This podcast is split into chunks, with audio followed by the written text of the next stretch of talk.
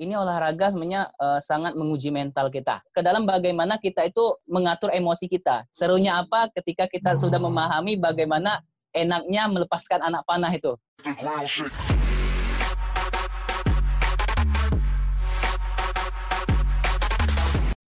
Oke, halo semuanya. Kembali lagi di Punta Channel, di mana pun kalian berada dan kapan saja kalian menonton video ini, karena video ini bisa ditonton kapan saja.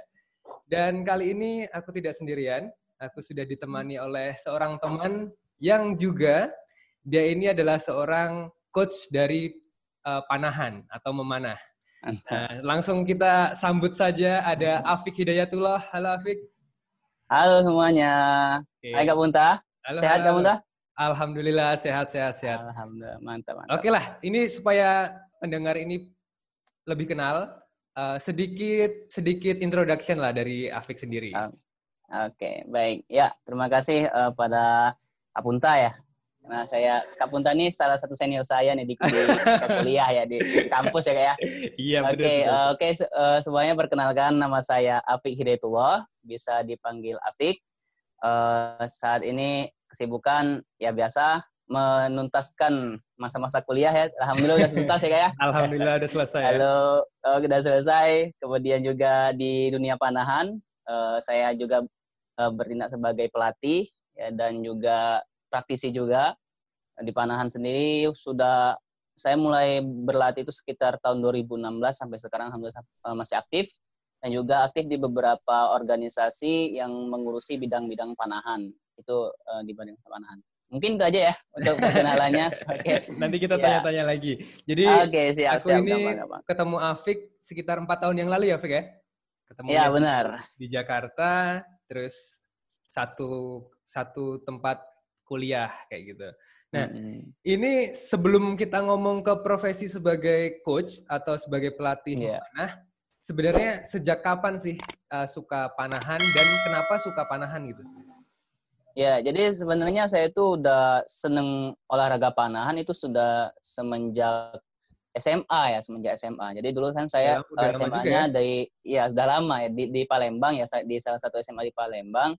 Cuman masalahnya dulu uh, terkendala akan fasilitas olahraganya gitu. Okay. Jadi sekolah saya dan juga mungkin kabupaten uh, di tempat saya itu dulu sekolah itu belum punya uh, peralatan memanah. Jadi ya bisanya cuman taunya juga cuma dari berita ya dari juga YouTube dan kebanyakan memang dari film-film kan gitu kan dulu ada uh, uh, banyak ya film-film contohnya uh, Hunger Games ya kan yeah. terus juga Robin Hood, Robin Hood. Uh, ada juga Lord of the Rings ya uh, kan banyak dulu film-film yang menceritakan kalau, kalau di Avenger tuh ada Hawkeye Iya, Hawkeye. Nah, jadi tahunya ya yang dari sekedar sekedar sekedar itu aja. Jadi tertariknya memang dari SMA. Nah, namun setelah itu saya kuliah ya, kemudian kemudian kuliahnya di Jakarta.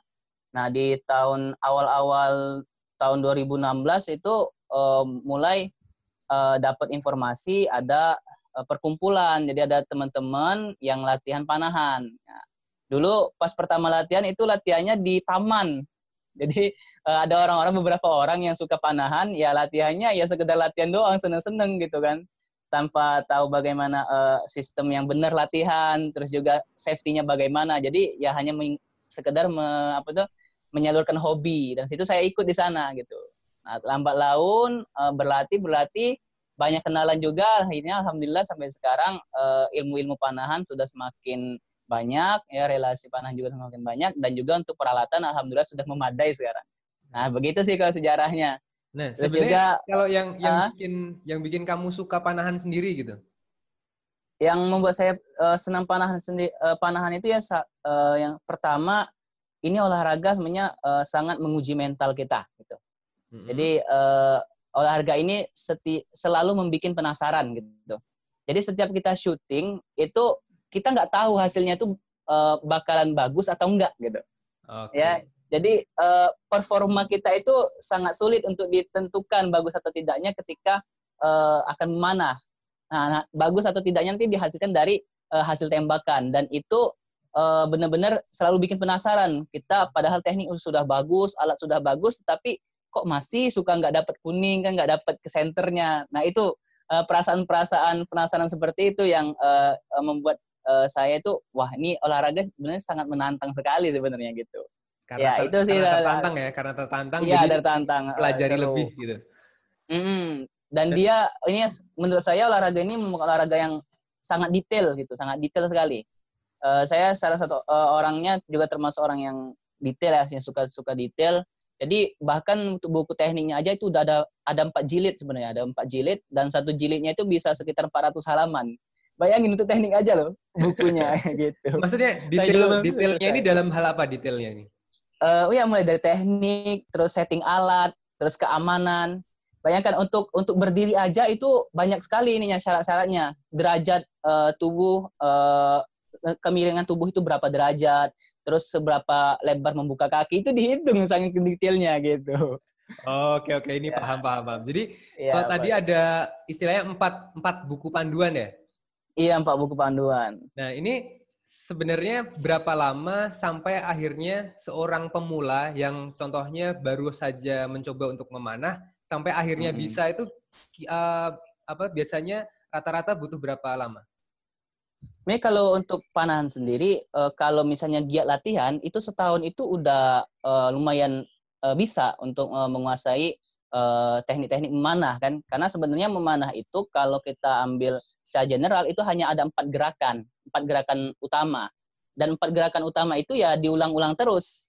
Nah untuk mendetailnya itu tergantung dengan pemanah itu sendiri kan mau belajar lebih mendalam atau tidak. Tapi kalau untuk uh, uh, generalnya, sekedar dia bisa uh, memanah, terus uh, dia memahami filosofi filosofinya kan, itu setahun latihan rajin rutin itu udah bisa gitu, udah bisa. Tapi kalau mau mulai naik lagi ke tingkat pelatih uh, atau bahkan bisa mungkin mendirikan klub segala macam ya, nah itu mungkin uh, butuh pengalaman-pengalaman lebih lagi gitu. Kalau untuk sekedar seneng-seneng, hobi kan, having fun sama teman, setahun bisa kok. Ikut lomba juga kalau udah setahun latihan, mau ikut kompetisi, te, kalau hasil skornya juga itu udah oke okay menurut pelatih, ya udah bisa, udah bisa gitu. Empat, Gampang empat olahraga gerakan panahan. dasar itu apa aja? Eh, empat gerakan dasar itu pertama posisi berdiri, sikap berdiri. Jadi uh, bagaimana kita uh, mempersiapkan dirinya posisi berdiri. Yang kedua itu set up, yaitu posisi kita untuk uh, mempersiapkan diri kita menarik busur. Jadi set up. Yang ketiga yaitu uh, drawing, yaitu narik. Jadi uh, kita menarik tali busur kita itu sampai ke dagu. Tapi ada juga teknik yang sampai ke pipi. Jadi ada dua macam teknik. Nah, sampai dagu. Yang keempat itu rilis atau melepaskan anak panah. Jadi uh, hanya teknik itu aja yang diulang-ulang. Kalau orang awam melihatnya terlihat mudah ya, terlihat mudah. Kalau uh, kalau kita ngelihat atlet di TV ya, di TV di YouTube kan kayak Mbak Diananda kan, terus ada Mas Riau Ega kan, Mas Prima Wisnu, kan mereka kayak enak banget, kayak gampang banget nariknya ya gitu. Uh, uh, berlatihnya, memanahnya kayak enak banget. Tapi kalau udah dicoba, oh begini tuh rasanya gitu. Nah, ya mungkin kalau bisa aku, coba. Kalau aku lihat di apa atlet-atlet yang kemarin juga di SEA Games gitu, nafas ya, nafas gitu juga berpengaruh ya? Iya, benar, benar sekali. Itu uh, ada babnya pelatihan untuk uh, manajemen diri ya atau uh, mengatur psikologi kita. Jadi di panahan itu sebenarnya yang dilatih itu uh, mayoritas ialah psikologi kita, psikis okay. kita. Kalau uh, fisik itu juga dilatih, namun uh, proporsinya itu nggak terlalu banyak.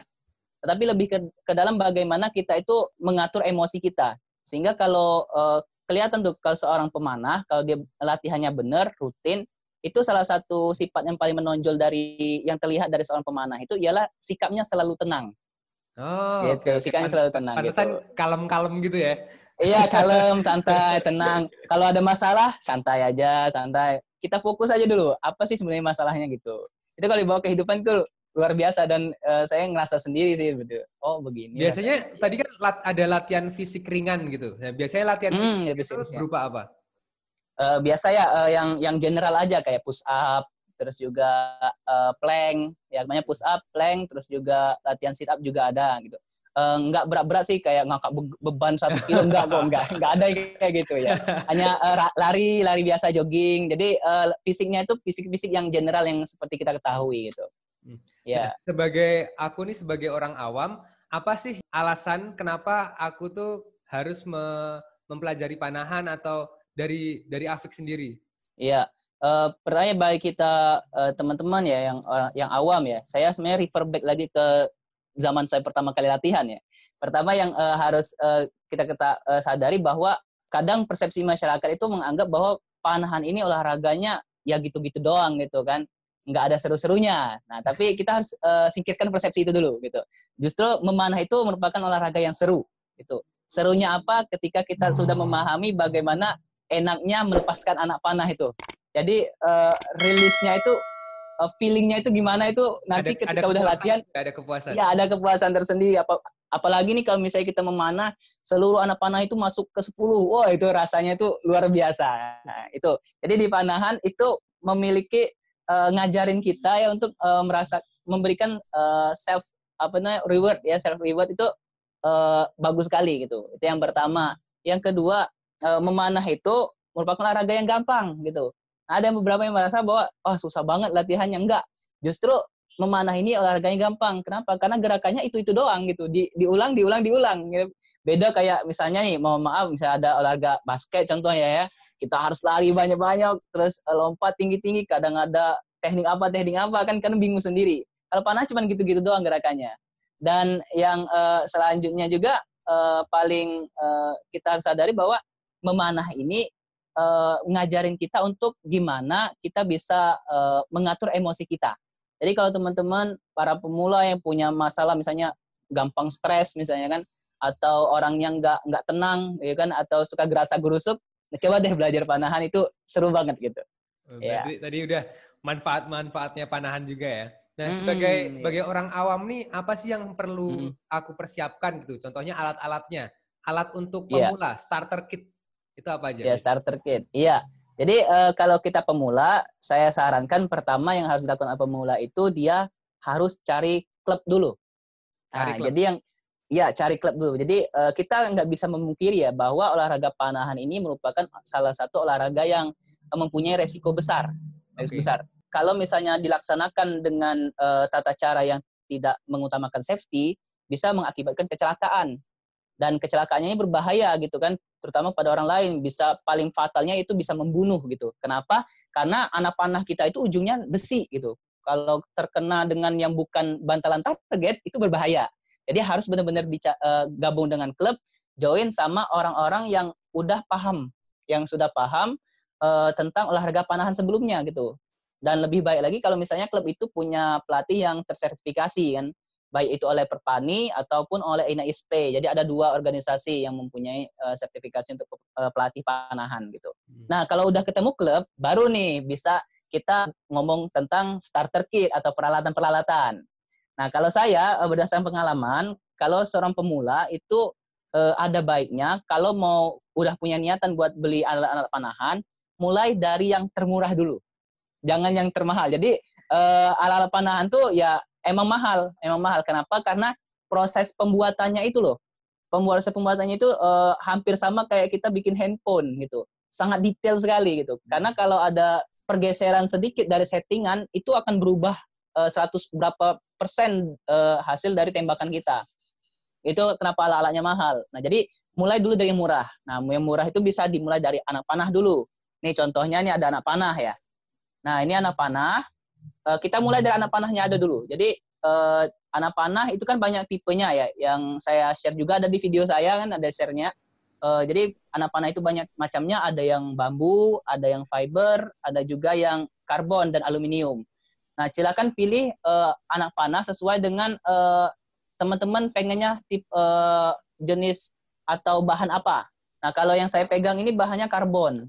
Kalau karbon itu harganya antara 45 sampai 100 ribu harganya. Jadi berbeda, uh, berbeda-beda. Itu bergantung dengan uh, dari mana produk itu berasal dan juga uh, seberapa bagus kualitas karbonnya. Itu beda-beda. Nah, terus juga itu satu biji ya, satu hmm. arrow hitungannya. Empat puluh ribu Dan, sampai seratus ribu. Iya empat lima, empat puluh lima ribu sampai seratus ribu. Kalau arrow saya ini harganya lima eh, tujuh puluh lima ribu satunya. Nih yang ini ya, tujuh puluh lima ribu. Jadi dikali enam. Itu yang pertama. Yang kedua uh, beli safety ya. Uh, silakan teman-teman uh, utamakan untuk membeli safety terlebih dahulu. Persiapkan safety-nya. Safety-nya itu ada uh, tiga macam ya. Ada yang namanya ini arm guard ya, arm guard. Ini arm guard. Ini untuk melindungi lengan. Okay. Melindungi lengan. Kemudian ada juga saya ambil dulu ada namanya ini namanya uh, finger tap. Ya, ini untuk melindungi jari. Nih, biar uh, jarinya nggak sakit ketika narik tali busur.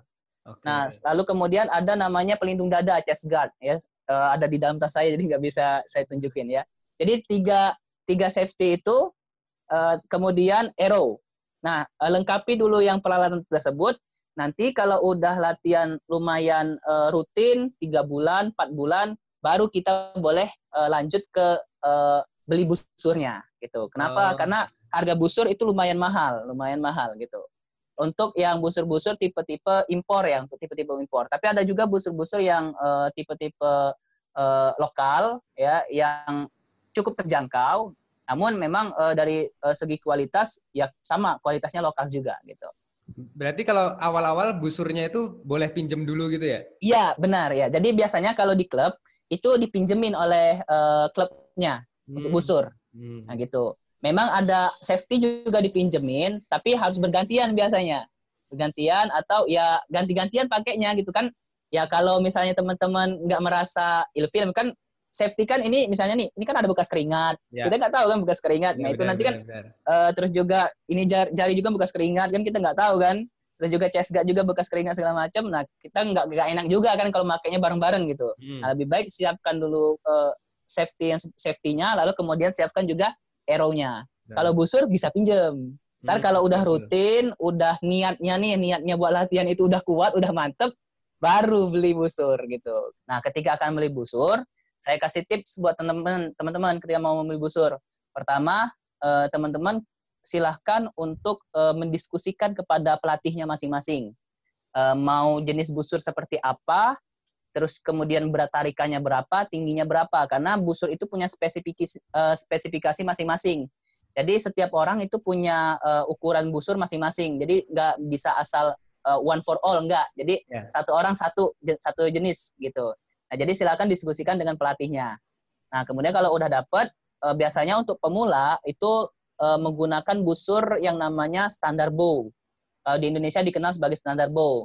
Tapi kalau di uh, World Archery itu tercatat sebagai namanya recurve bow ya recurve bow atau wooden recurve bow. Jadi busur uh, recurve yang bahannya dari kayu. Nah, biasanya itu untuk yang pemula.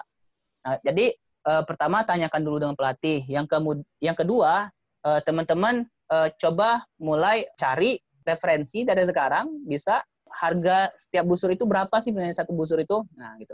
Rata-rata Biasanya untuk busur Ya, rata-rata kalau busur-busur itu uh, yang dari produk-produk impor itu rata-rata harganya mulai dari satu juta sampai dengan 1,7 juta.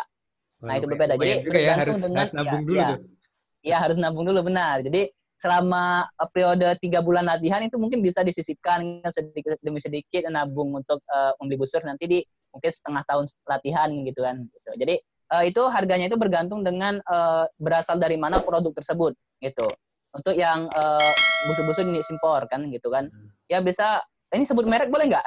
sebut merek. Boleh, boleh, boleh apa apa nggak masalah. Boleh, oke okay, ya. Oke, okay, yang misalnya ini contoh uh, kalau mau yang sekitar range 1 juta sampai 1,3 itu ada nama busur jandau. Itu dari Cina. Ada juga ada juga busur black sheep namanya. Nah, kalau itu busur-busur dari Cina. Uh, busur-busur Cina itu uh, karakteristiknya mereka kebanyakan limbs-nya itu limbs bagian yang bengkoknya itu itu uh, lembut, limnya lembut limnya lembut untuk ditarik. Nah, tapi untuk uh, akurasi sebenarnya oke-oke juga, bergantung dengan bagaimana teknik dari pemanah itu sendiri. Nah, yang kedua uh, ada juga busur yang berasal dari uh, Korea, busur-busur Korea.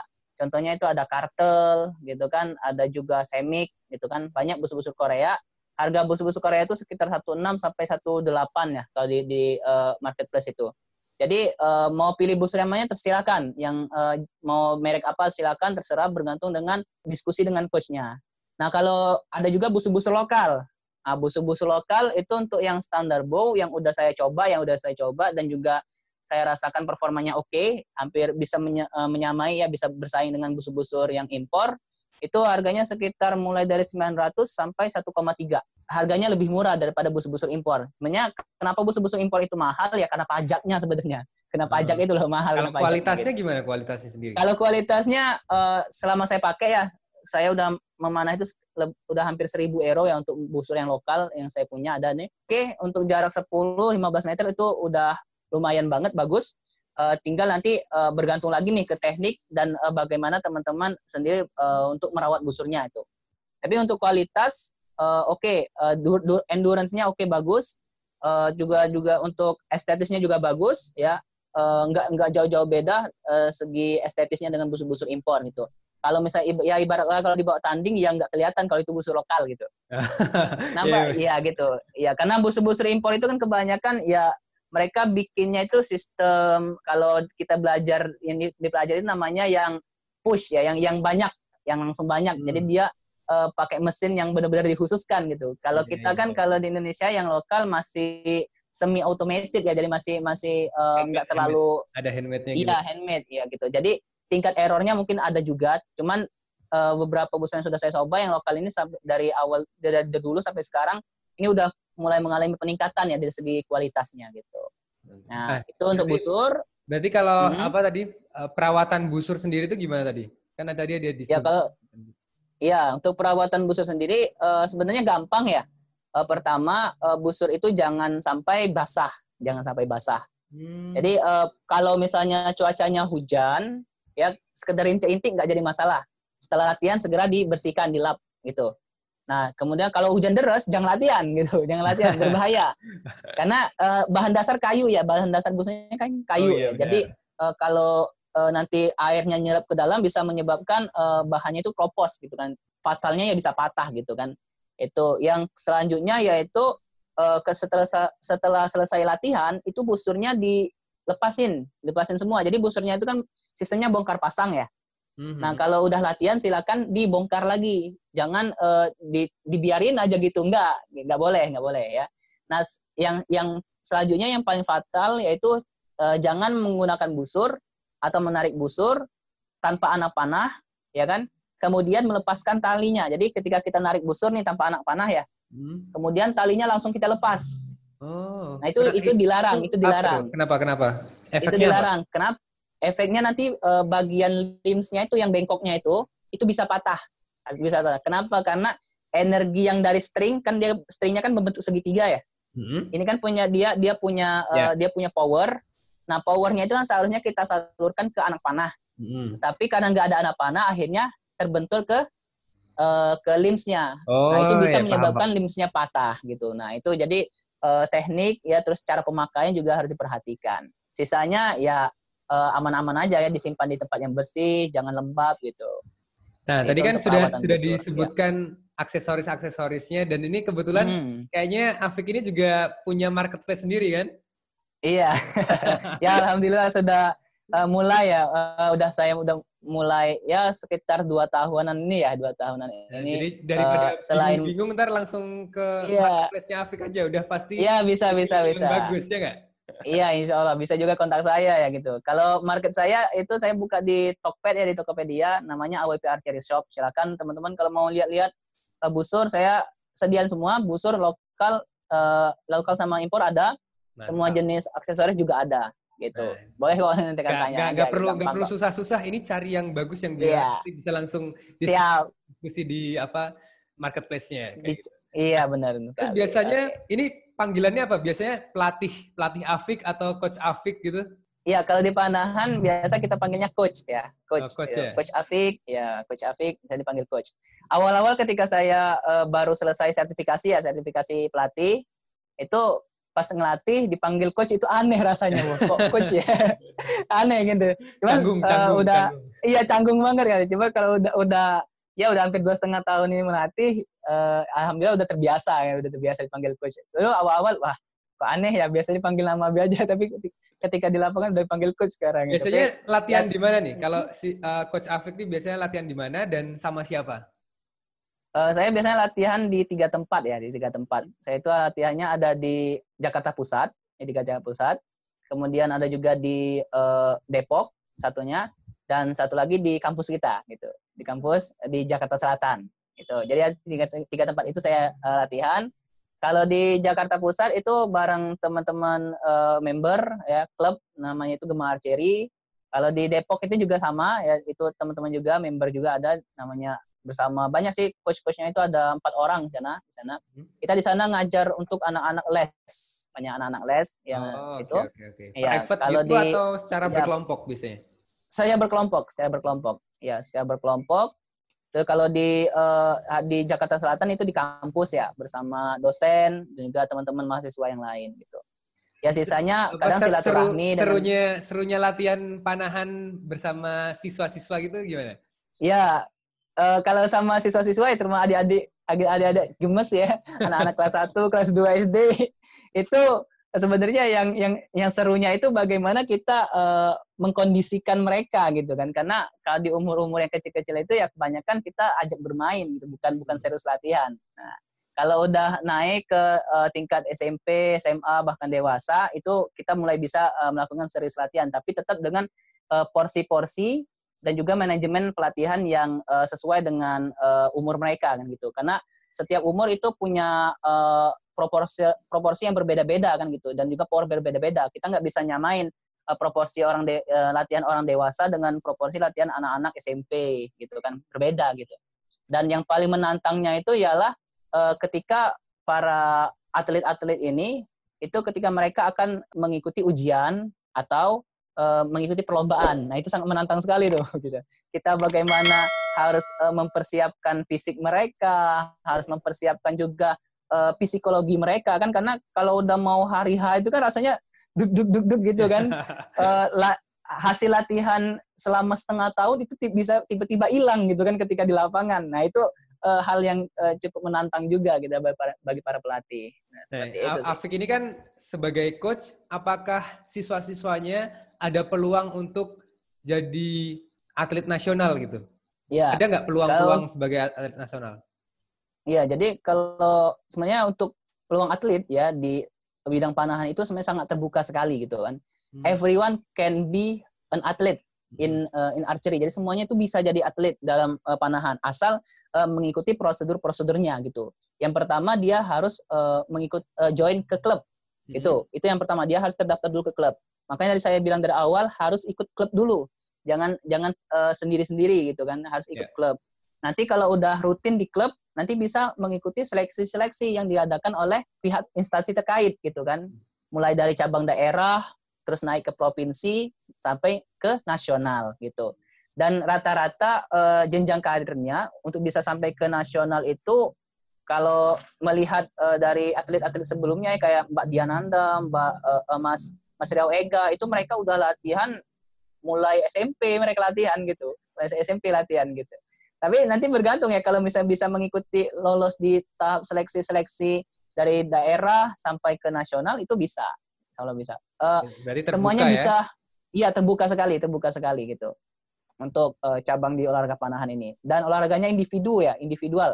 Hmm. Jadi uh, benar-benar uh, mengutamakan bagaimana kita bisa uh, men-challenge diri kita sendiri itu. Challenge di panahan itu ialah dirinya sendiri gitu. Bagaimana dia um, mengatur emosinya, bagaimana dia disiplin akan teknik, disiplin sama latihan. Kalau hal eh, hal-hal tersebut sudah bisa dijalani, insya Allah karir ya, terutama di at, menjadi atlet ataupun menjadi uh, pelatih dan segala macam itu uh, gampang untuk dilalui gitu. Kalau target dari Coach Afik sendiri apa nih targetnya? Ya, kalau saya sendiri uh, sekarang ya kalau untuk menjadi atlet mungkin sudah jauh ya, udah udah umurnya udah jauh dan udah telat banget gitu kan gitu.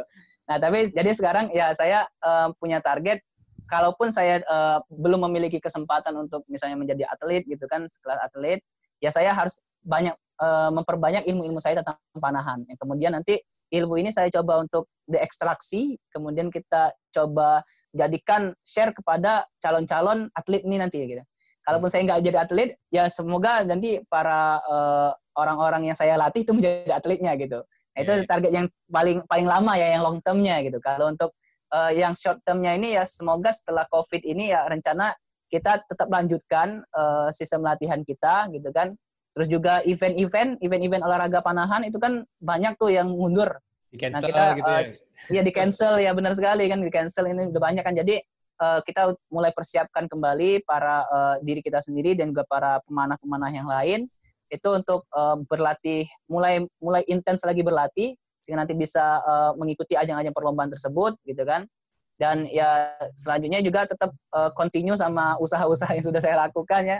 Dan uh, kegiatan-kegiatan apa namanya dagang ya wirausaha yang sudah saya lakukan di Panahan gini seperti itu sih oh. target target saya. Oke, okay, jadi mungkin bincang-bincang uh, dengan Coach Afik segini okay. dulu ya. Nanti kalau penonton yang ada pertanyaan bisa komen di bawah nanti Iya, uh, salurkan ke Coach Afik atau bisa kontak Coach Afik langsung ke mana nih?